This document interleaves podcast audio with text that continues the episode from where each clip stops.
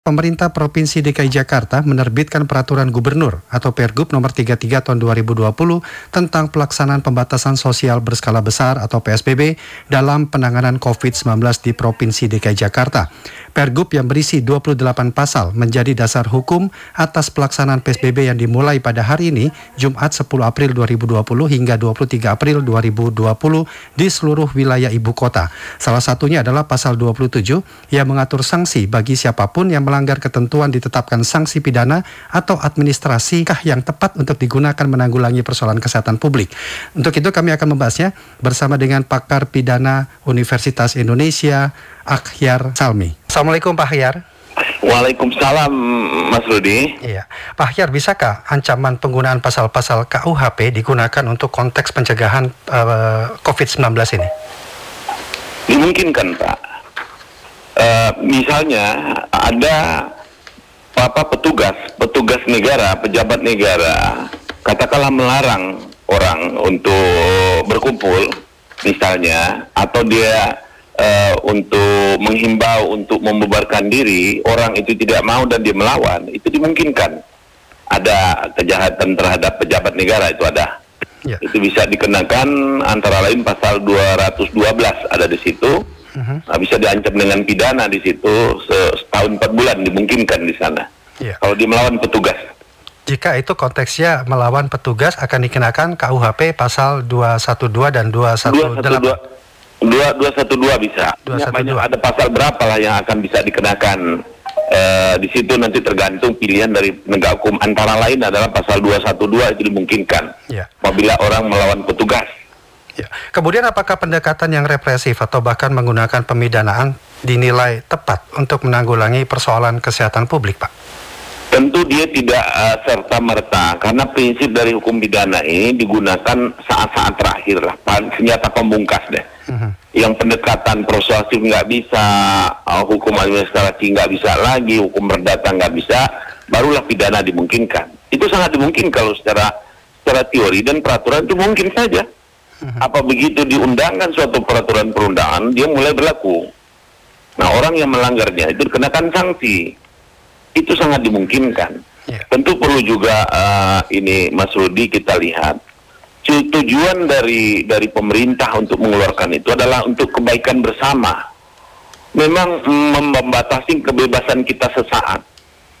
Karena apa? Untuk menjaga mudaratnya lebih besar, akibat negatifnya lebih besar kalau dibiarkan. Nah, karena ini penyebarannya begitu banyak kan, nah, perlu ada pembatasan-pembatasan. Itulah tugasnya negara negara yang lebih tahu akan menilai tentu dia juga ada masukan-masukan dari pihak eh, ahlinya dalam bidang kesehatan, kesehatan masyarakat misalnya para dokter. Ini penyebaran yang kayak begini harus membatasan. Nah, kalau orang tidak taat terhadap pembatasan karena ada uh, undang-undang yang mengaturnya apabila dia melanggar undang-undang itu dan memenuhi unsur-unsur dari pasal. Kalau ketentuan pidana selalu terdiri dari unsur-unsur itu. Ya. Norma-norma itu gabungan dari unsur-unsur, dia langgar. Itu dimungkinkan. Ya.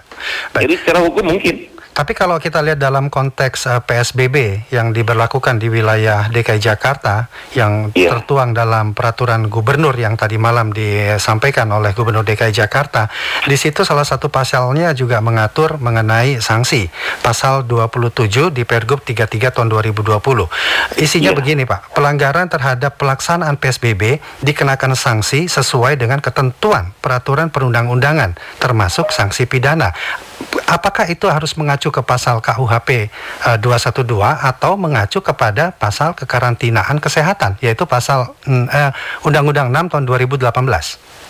Kita lihat Pak, kalau dia apa dulu? Kalau misalnya melawan petugas ketika petugas menjalankan dia dimungkinkan. Di dalam pidana itu bisa juga suatu tindak pidana itu melanggar beberapa peraturan undang-undang ini namanya gabungan tindak pidana konkursus. Hmm. Nah itu mungkin di satu perbuatan ada beberapa undang-undang yang dipakai. Nah di dalam praktek akan dilihat nanti ini dilihat mana yang lebih khusus bisa di dua-duanya dipakai atau dialternatifkan kan nanti atau salah satu itu dalam susun kalau dia berproses nih oleh pihak jaksa penuntut umum dakwaannya bagaimana? Atau atau mungkin dari kalau ditarik pada uh, Undang-Undang 6 2018 pasal 93 ini khususnya Pak, ya, itu memang ya. disebutkan dikenakan hukum, hukuman pidana maksimal satu tahun. Apakah itu yang dimaksudkan dengan KUHP 212? Oh, oh beda. Hmm.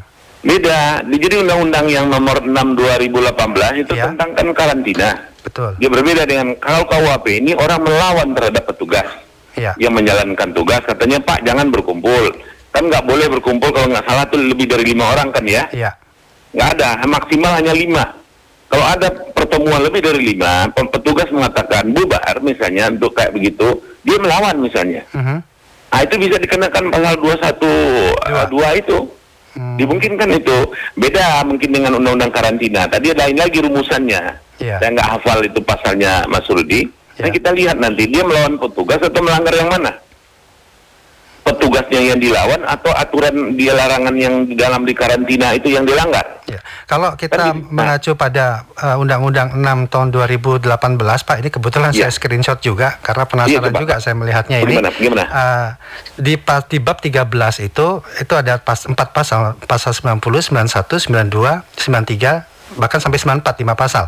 Tapi yeah. untuk perseorangan di situ 93. Nah, tentunya dalam dalam aturan perundang-undangan pidana pastikan dia melihat ke undang ah, pasal-pasal di atasnya. Kenapa undang apa pasal itu akan diterapkan? Nah, di situ ditulis bahwa terkait dengan pasal 9. Setiap nah, orang wajib mematuhi penyelenggaraan kekarantinaan kesehatan.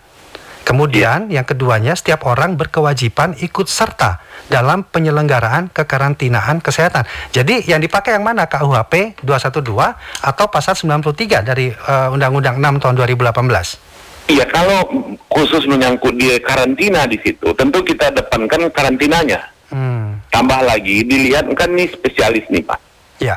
Nah, undang-undang yang khusus akan menyampingkan yang umum. Itu bisa dipakai. Tidak tertutup juga kemungkinan kalau dia udah mengundang kayak begitu, dia melawan ketika pemerintah me, me, me, menghimbau melalui pasal 9 tadi, dia melawan orang ini, bisa juga dia kena pasal 212. Ya. Bisa dua pasal dikenakan ke yang bersangkutan. Jadi bisa dua-duanya itu di, di, dikenakan ke yang bersangkutan, yang bersangkutan ini, Pak ya? Itu yang namanya konkursus. Ya. Gabungan suatu tindak pidana bisa, ada konkursus realis, ada yang realistis namanya. Itu di ancaman pidananya nanti yang terberat nama ketiga. Tapi kan Betul. dalam penerapannya serba salah ini Pak Kiar. Sementara ya. di satu sisi kita masyarakat yang uh, melanggar dari ketentuan PSBB dihadapkan dengan pidana. Di sisi ya. yang akan berujung kepada pemenjaraan di situ. Penjaraan. Tapi di ya. satu sisi lain pemerintah sedang gencar-gencarnya mengeluarkan kebijakan membebaskan 30 ribu narapidana dan anak. Satu sisi dikeluarkan, nah lantas satu sisi dimasukkan. Bagaimana logika berpikirnya itu Pak? Iya, mungkin bisa kita lihat agak begini nih, eh, Mas Rudi. Orang yang dikeluarkan itu kan dia tidak melanggar tentang masalah justru dia untuk melaksanakan PSBB ini tadi. Iya. Untuk dalam rangka pengkarantinaan ini, dalam rangka membatasi penyebar luasan korban dari eh, virus corona. Sementara yang satu sisi ini tadi, orang yang mungkin yang bisa menimbulkan virus corona, jadi carrier itu pembawa itu tadi, jadi dua hal yang berbeda juga kalau kita lihat setelah saya pikir-pikir, oh ini dua hal yang berbeda ini. Hmm. Kalau yang satu yang kita keluarkan, dia kan nggak ada nih, Pak terlibat dia dia di dalam. Iya. Supaya dia nggak kena kita keluarkan. Ini orang yang di luar mau masuk ini karena dia ingkar mengingkari peraturan yang yang tentang karantina virus corona ini tadi. Iya. Jadi tidak juga kalau kita lihat agak berbeda ini, enggak juga. Justru ini yang satu itu untuk melindungi dia enggak itu dia patuh katakan begitu. Yang satu ini dia nggak patuh nggak taat. Tentu kita berharap mengenai masalah itu nanti ancaman pidana yang ada di situ tidak selalu dia berupa harus menjalankan hukuman bisa juga dijatuhi percobaan namanya pak pidana percobaan. Yeah. Nah percobaan ini misalnya jatuh pidana uh, satu tahun dengan percobaan berapa satu tahun dua bulan misalnya. Nah, dia selama satu tahun ini dia nggak masuk ke penjara, dia di luar aja. Bisa juga nanti diskresi apa itu dimungkinkan kewenangan hakim itu pak. Hmm. Jadi uh, memang ada itu pak ya ketentuan itu memang oh, kita bisa ditarik dalam sisi pidana atau memang undang-undang atau peraturan hukum khusus tadi itu ya? Iya bisa. Hmm Kadang bisa undang-undang karantina, bisa juga KUHP. Kita lihat konteksnya di mana nih. Ya. Kalau dia melawan petugas bisa ini, tapi kalau dia melanggar ketentuan ini bukan petugas yang dilawan, peraturan dia A dilakukan B. Inilah kita mungkin menghimbau juga masyarakat. Marilah kita taat. Tentu pemerintah ini tujuannya adalah dia bertanggung jawab bagaimana keselamatan kita. Nah kalau kita tidak kita mentaati, tentu kita akan celaka bukan hanya kita, keluarga, saudara, tetangga dan yang lain nanti. Ya. Tetapi satu sisi yang lain, pemerintah harus juga mereka ini keluar. Kadang-kadang kan urusan perut nih Pak, masalah ke biaya kehidupan ini yang harus ditanggung oleh pemerintah. Mudah-mudahan ini terlaksana dengan baik. Kita harus juga memonitor dan mengawal semaksimal mungkin kita bisa pelaksanaannya di lapangan ini sesuai dengan uh, rencana semula. Sumbangan sembako ke mana ke rakyat-rakyat kita yang dia di lock sementara begitu di rumah, dia dibantu itu. Jangan juga dia kelaparan. Ya. Nggak boleh juga Ya, baik. Kemudian Pak Hakyar, selama ini kan e, masyarakat hanya membacanya sanksi itu hanya diperuntukkan bagi individual atau perorangan. Ternyata yeah. setelah kita melihat lagi di bab 13 atau pasal 90 yeah. 9192, di situ juga tertera e, sanksi yang diperuntukkan bagi korporasi. Iya. Kini ada ada mengenai masalah siapa sih yang bisa dipidana nih Mas Rudi. Awalnya adalah orang perorangan kita ini, tidak korporasi di Indonesia pertama kali mulai tahun 55 melalui Undang-Undang Darurat nomor nomor 7 tahun 55 tentang tindak pidana ekonomi. Korporasi bisa dipidana. Sekarang sejak tahun itu udah banyak korporasi bisa dilakukan tindak pidana dan akhir-akhir ini hampir semua undang-undang kalau ada ketentuan pidana pasti orang perorangan maupun korporasi bisa dipidana. Nah, kenapa nih korporasi dipidana? Katakanlah kalau dia yang mempunyai perusahaan nggak taat, bawahan ini kan kadang-kadang susah melakukan melawan uh, perusahaan kan, yeah. nanti mereka pecat. Dia tetap taat. Jadi kalau begini, nggak harus menyasar uh, korporasinya.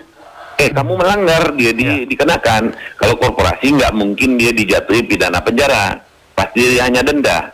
Hmm. Tetapi selalu boleh dikatakan, saya katakan selalu paling tidak yang saya uh, ketahui itu ancaman pidana korporasi itu bisa dua sekaligus tuh Pak terhadap korporasi dan atau pengurusnya. Hmm. Nah, pengurusnya mungkin direksi. Iya. Nah, itu bisa dipidana juga dua-duanya bisa salah satu. Jadi ini kalau ada korporasi, masanya, oh jangan kata pemerintah, dia lakukan juga bawahannya pegawainya tentu takut nanti saya dipecat PHK. Begini aja kan sangat prihatin Pak, sudah berapa ribu yang di PHK orang. Iya.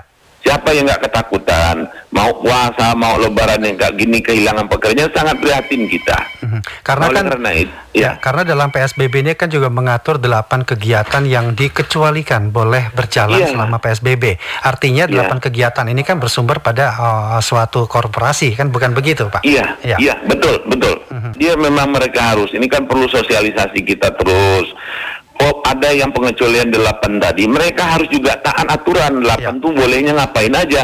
Jangan sekaya ini kondisinya nih Mas Rudi. Sekarang ini kan negara kita dalam keadaan tidak dunia, dunia bukan Indonesia, di dalam keadaan normal. Ini ke dalam keadaan abnormal, keadaan darurat. Uh -huh. Janganlah kita berpikir secara normal. Ya. Oh saya biasanya begini enggak, ini luar biasa ini. Betul. Jadi kondisinya ini, ini yang harus disadari oleh setiap individu dijaga pembatasan pakai masker ini segala macam. Ini keadaan darurat. Kalau nggak darurat mana ada negara mau ikut campur tentang itu terlalu jauh terhadap kebebasan bergeraknya kita. Baik. tapi negara lihat ini mudaratnya lebih banyak nih lebih parahnya. Untuk kepentingan kita semua kita harus itulah butuh kesadaran hukum masyarakat kita baik pribadi maupun juga korporasi tadi. Ya. taatilah aturan pemerintah ini.